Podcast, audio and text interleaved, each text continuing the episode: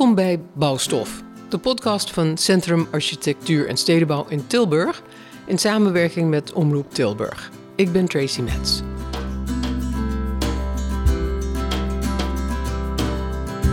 Vandaag is mijn gast de architect Marjolein van Eijg. Welkom Marjolein. Dankjewel Tracy. Ze heeft gewerkt bij bekende bureaus als Big en Inbo en is acht jaar geleden voor zichzelf begonnen met Bureau van Eijg in Rotterdam. Ze heeft met haar werk een paar mooie prijzen gewonnen, zoals de Abe Bonnema-prijs in 2014, de Gulden Phoenix in 2019 en de Arie Kepler-prijs in 2020. Nou, ga zo door, Marjolein. Het zou mooi zijn. ja. Marjolein heeft vier jaar lang ook columns geschreven voor het blad De Architect. Want behalve gebouwen ontwerpen, kan ze ook nog schrijven. Die stukken, het zijn eigenlijk mini-essays, gaan over details in de architectuur. Zelf noemt ze ze praktijkberichten. Heel mooi woord vond ik dat. Ze zijn nu gebundeld in een heel mooi boek dat net verschenen is. Het heet, verrassenderwijs, Het Detail. Het is gebonden met heel lekker dik papier, mooie illustraties, een leeslint, prachtige kleuren. Echt een mooi object. Je hebt zelf helemaal ook de vormgeving gedaan, Marjolein. Klopt, ja. We hebben er heel hard eh, en lang aan gewerkt. Eh. Nou, het is echt beeldschoon. Aan het einde zal ik zeggen waar je het boek kunt kopen. En ik heb er niks mee te maken, dus ik kan dat heel rustig, zelfstandig en objectief zeggen. Dankjewel. Wat ik me afvraag, Marjolein, een heel boek over details. Want je maakt ook grote woningbouwprojecten. Zoals nu net in uh, Leidse Rijn bij Utrecht is net opgeleverd. Waarom zoveel aandacht voor het detail?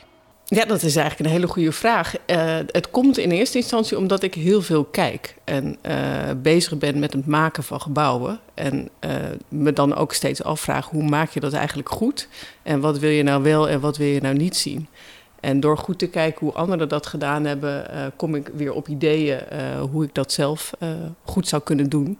Is het een technisch handboek? Ook. Het is eigenlijk van alles in één. Dus er zijn boeken over details, die zijn vaak gruwelijk saai. Um, Voor niet-architecten. Er zijn ook heel veel boeken met plaatjes, die zijn alweer heel oppervlakkig. En hier komt eigenlijk alles bij elkaar. Uh, er zijn ook boeken over uh, filosofische verhandelingen, over architectuur. Daar staan dan ook weer vaak geen plaatjes in. Dus hier uh, in dit boek kom, komt de filosofie van de architectuur, het maken van architectuur, het kijken naar architectuur bij elkaar in tekst en beeld.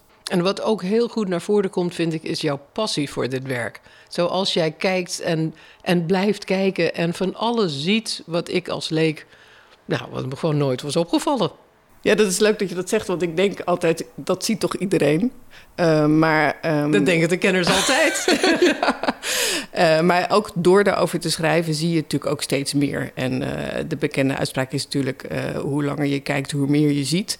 En zo is het. Um... Het is eigenlijk net zoiets als tekenen. Hè? Je, als, om een object echt goed te zien, moet je het tekenen. Dan ja. vat je het.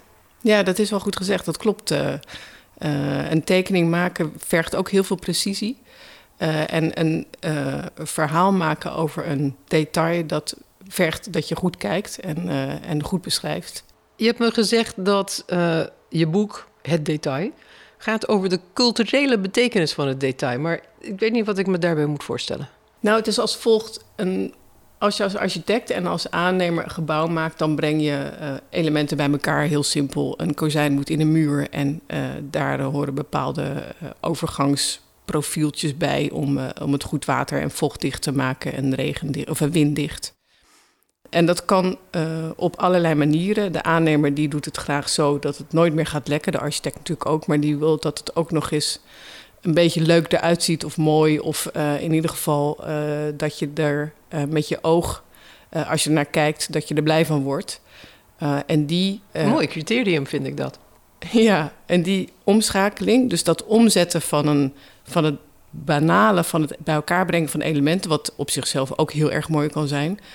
Um, maar dat ook nog vervolgens omzetten in een mooi uh, driedimensionaal beeld.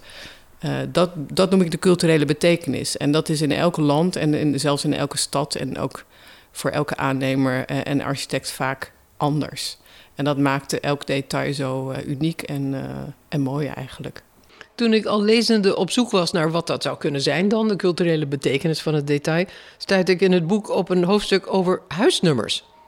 Ja. En toen ineens begreep ik het wat beter. Ja, ja dat snap ik. Ehm, het, uh, Hans van der Heijden zegt ook wel dat het detail gemystificeerd wordt door architecten. Maar eigenlijk is het juist iets heel banaals. Dus uh, een detail is inderdaad ook een huisnummer of een drempel of uh, een deurkruk. En een huisnummer kan je op talloze manieren vormgeven. De Amsterdamse school bijvoorbeeld, die uh, sierlijke, expressieve, overdadige, nou, ik mag wel zeggen, wulpse stijl uit begin 20e eeuw.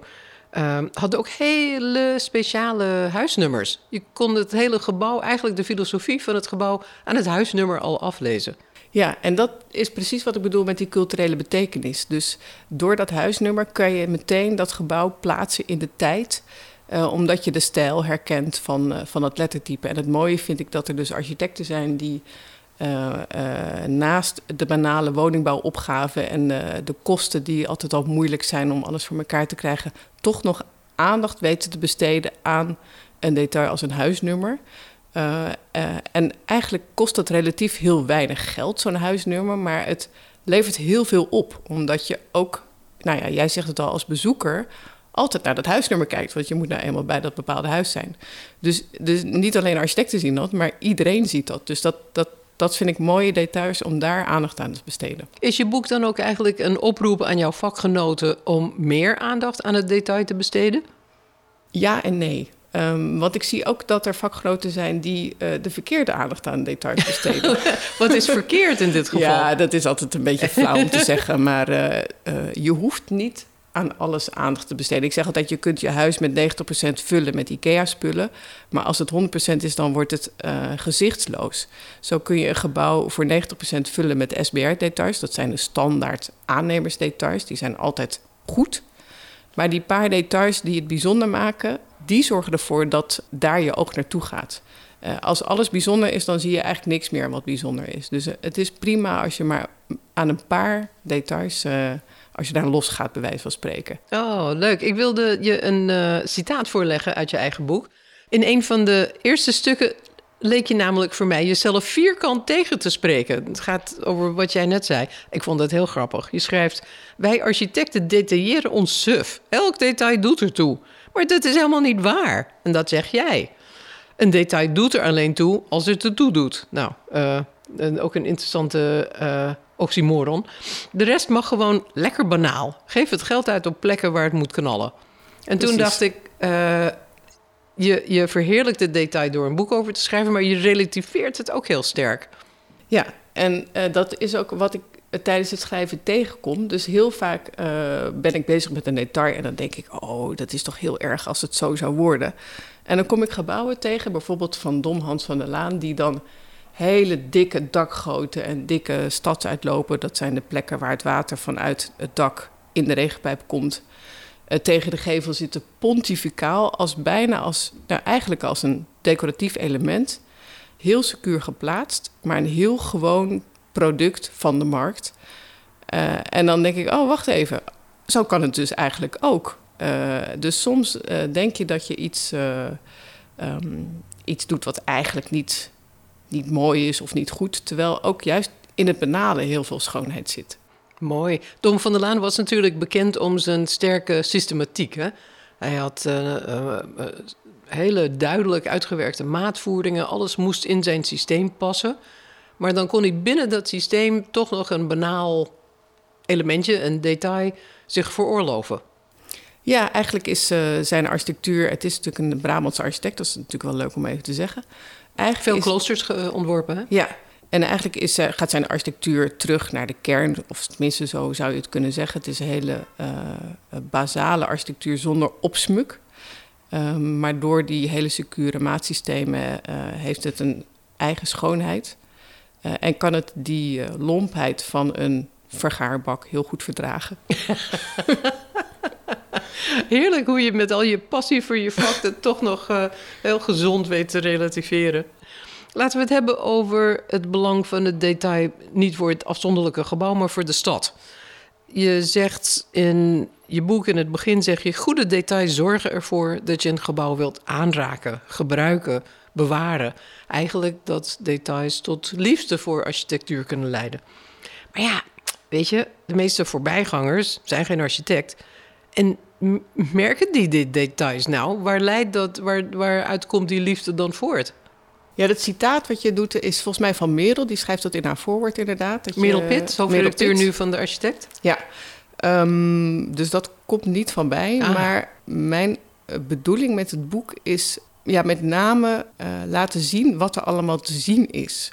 En wat het, wat het ook met je doet. Dus ik ben niet per se op zoek naar, of ik heb niet de bedoeling gehad om de perfecte details te tonen, maar eh, meer om te laten zien wat bijvoorbeeld een hele hoge plint in de ruimte doet. Dus een, een plint in standaard woningbouw is standaard 70, eh, centime- 70 mm hoog en eh 12 mm dik. Ehm, maar als je die plint nou eens even drie keer zo groot maakt, eh, wat dat doet met een ruimte, dat is eh, volgens mij leuk om over na te denken en om te zien. En hopelijk, nu jij eenmaal onze ogen hebt geopend ervoor, gaan we van alles zien in de stad wat ons nooit eerder was opgevallen. Ja, dat hoop ik. Ja. Eh, ik denk dat je ook al heel veel onbewust ziet. En ook herkent eh, wellicht van, eh, van vroeger. Of eh, als herinneringen die je als kind hebt, die blijf je altijd bij. Ehm, en ehm, zo zit er in het boek een, eh een, een deurklink. Die ik eh, zelf heel mooi vind. En die waarschijnlijk heel veel mensen ook herkennen. En denken, oh ja, dat, eh, dat is echt iets anders dan wat we nu aanraken. Ja, een bakkeliet, daar krijg je vanzelf al een warm gevoel bij. Laten we het hebben over een nieuw gebouw hier in Tilburg, de, dat nog in aanbouw is. De Brabander, achter het Centraal Station. Dat wordt een van de hoogste gebouwen van Tilburg... in de spoorzone van Floris Cornelissen, van Happel Cornelissen Verhoeven. Eh, zij zijn ook bekend van de uitbreiding van de Lakenhal, het museum in Leiden. In de live talkshow Bouwstof van Kast... eh, dat is de grote broer van deze podcast eigenlijk... vertelde Floris daarover. Ik laat je even horen wat hij zei. En als je dus in grote schaalelementen gaat denken, dan krijg je binnen de kortste keren allemaal naden en voegen Ja. in je gebouw. Het is een beetje hetzelfde als dat je een, een, een jasje eh, in elkaar naait. Dan zie je eigenlijk precies of het goed is gemaakt of slecht is gemaakt. En dus die naden en die voegen die zijn ontzettend belangrijk hoe je daarmee omgaat. Ehm, want eigenlijk moet je al die elementen als het ware potdekselen ten opzichte van elkaar om de, om de buiten te houden. En ehm, nou ja, we hebben steeds geprobeerd eigenlijk om die voegen in de oksels van de profilering te leggen. Dus niet pontificaal, eh, diagonaal eh, in verstek op de hoek, wat je nogal veel eh, ziet. Maar eigenlijk precies eh, om de hoek heen geslagen, zodat die massiviteit van zo'n eh, van zo'n hoek intact blijft. De voegen in de oksels van de profilering. Nou, je moet me even helpen, Marlijn. Ja, ik denk dat Floris bedoelt dat met prefab eh, krijg je naden. We kennen dat uit de plattenbouw, waar je als tegels de elementen tegen elkaar ziet. Eh, dat vinden we over het algemeen er karig en goedkoop uitzien. En wat Floris volgens mij bedoelt, is dat je die voegen het liefst een beetje wil wegwerken in niches, in schaduw eh, van, eh, van de elementen. Ehm, en niet dat ze het zicht zijn. Hij noemt dat in de oksel, dus dat is vaak in een hoekje waar net een beetje een schaduw valt, eh, zodat die voeg niet zo opvalt. en is die schaduw dan ook een van de details die een gebouw expressie geven? Ja, dat is een ehm, heel goed, hoe zeg je dat? Een heel goed ehm, een middel om eh, met prefab-elementen om te gaan. Omdat, eh, nou ja, wat ik zei, die naden die, eh, die zorgen ervoor dat een gebouw een beetje uit elkaar valt als je die ziet. Terwijl eh, we willen van oudsher, of misschien is het ook een bepaalde, bepaalde stroming, we vinden het fijn als een gebouw massief oogt. En met prefab ehm, is dat lastig omdat je ziet dat het losse elementen zijn. En eh, zo'n eh, relief eh, zorgt voor die schaduwwerking. En dat, ja, dat is prettig, want daardoor zie je verschillende lagen van een gebouw. Dus van ver zie je andere, een, een ander beeld dan wanneer je dichtbij kijkt. Oh, dat kan ook een groot voordeel zijn voor de stad. Dat je een verschillende beleving hebt afhankelijk van de plek waar je zo'n gebouw vandaan bekijkt. Ja, dus van ver zie je, zie je die voegen eigenlijk helemaal niet van het gebouw. Pas als je dichtbij komt, eh, dan denk je, oh verrek, zo is het gemaakt. En prefab, eh, begrijp ik, ziet er vaak flimsy uit. Eh Flimsy, wat bedoel je daarmee? Ja, fl- eh, fl- eh, flutterig, niet stevig. Dat kan. Ehm, ja, dus het voorbeeld wat ik net zei van de, de plattenbouw in Berlijn. eh dat staat natuurlijk bekend als, als arm- armoedige bouw van na de Tweede Wereldoorlog. waarin je heel duidelijk hele dikke voegen ziet tussen de elementen. Dat vinden we ja, meestal een beetje goedkoop en karig ogen. Terwijl wanneer je wat meer relief in zo'n element aanbrengt, dan voelt dat veel rijker en uh, solider, meer solide. Mensen denken bij jou en je bureau, Marjolein, vaak aan kleine projecten, juweeltjes, sculpturen.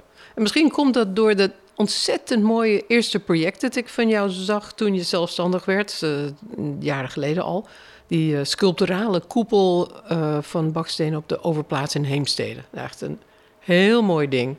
Maar je bouwt ook grote dingen. Fietsenstalling voor 2000 fietsen aan de TU Delft met ingebouwde koffiebar. De woningbouw in Leidse Rijn, waar we net over hadden. Uh, verduurzaming van veel sociaal woningbouwprojecten. En nu ben je bezig met de opgangen naar het Hofbogenpark in Rotterdam. Het park bovenop het oud spoorviaduct. Een uh, uh, project dat in zekere zin te vergelijken is met de spoorzone van Tilburg hoe maak je de sprong van die juwelen naar die grootschalige projecten? Met behoud van het detail. Ja, goede vraag. Want het fijne van die koepel de overplaats is dat we het eigenlijk perfect konden maken, omdat we elke steen konden tekenen vanwege de schaal van het project. Het is een klein project, dus we konden elke, elke baksteen uittekenen en het werd precies zoals we dat uh, wilden.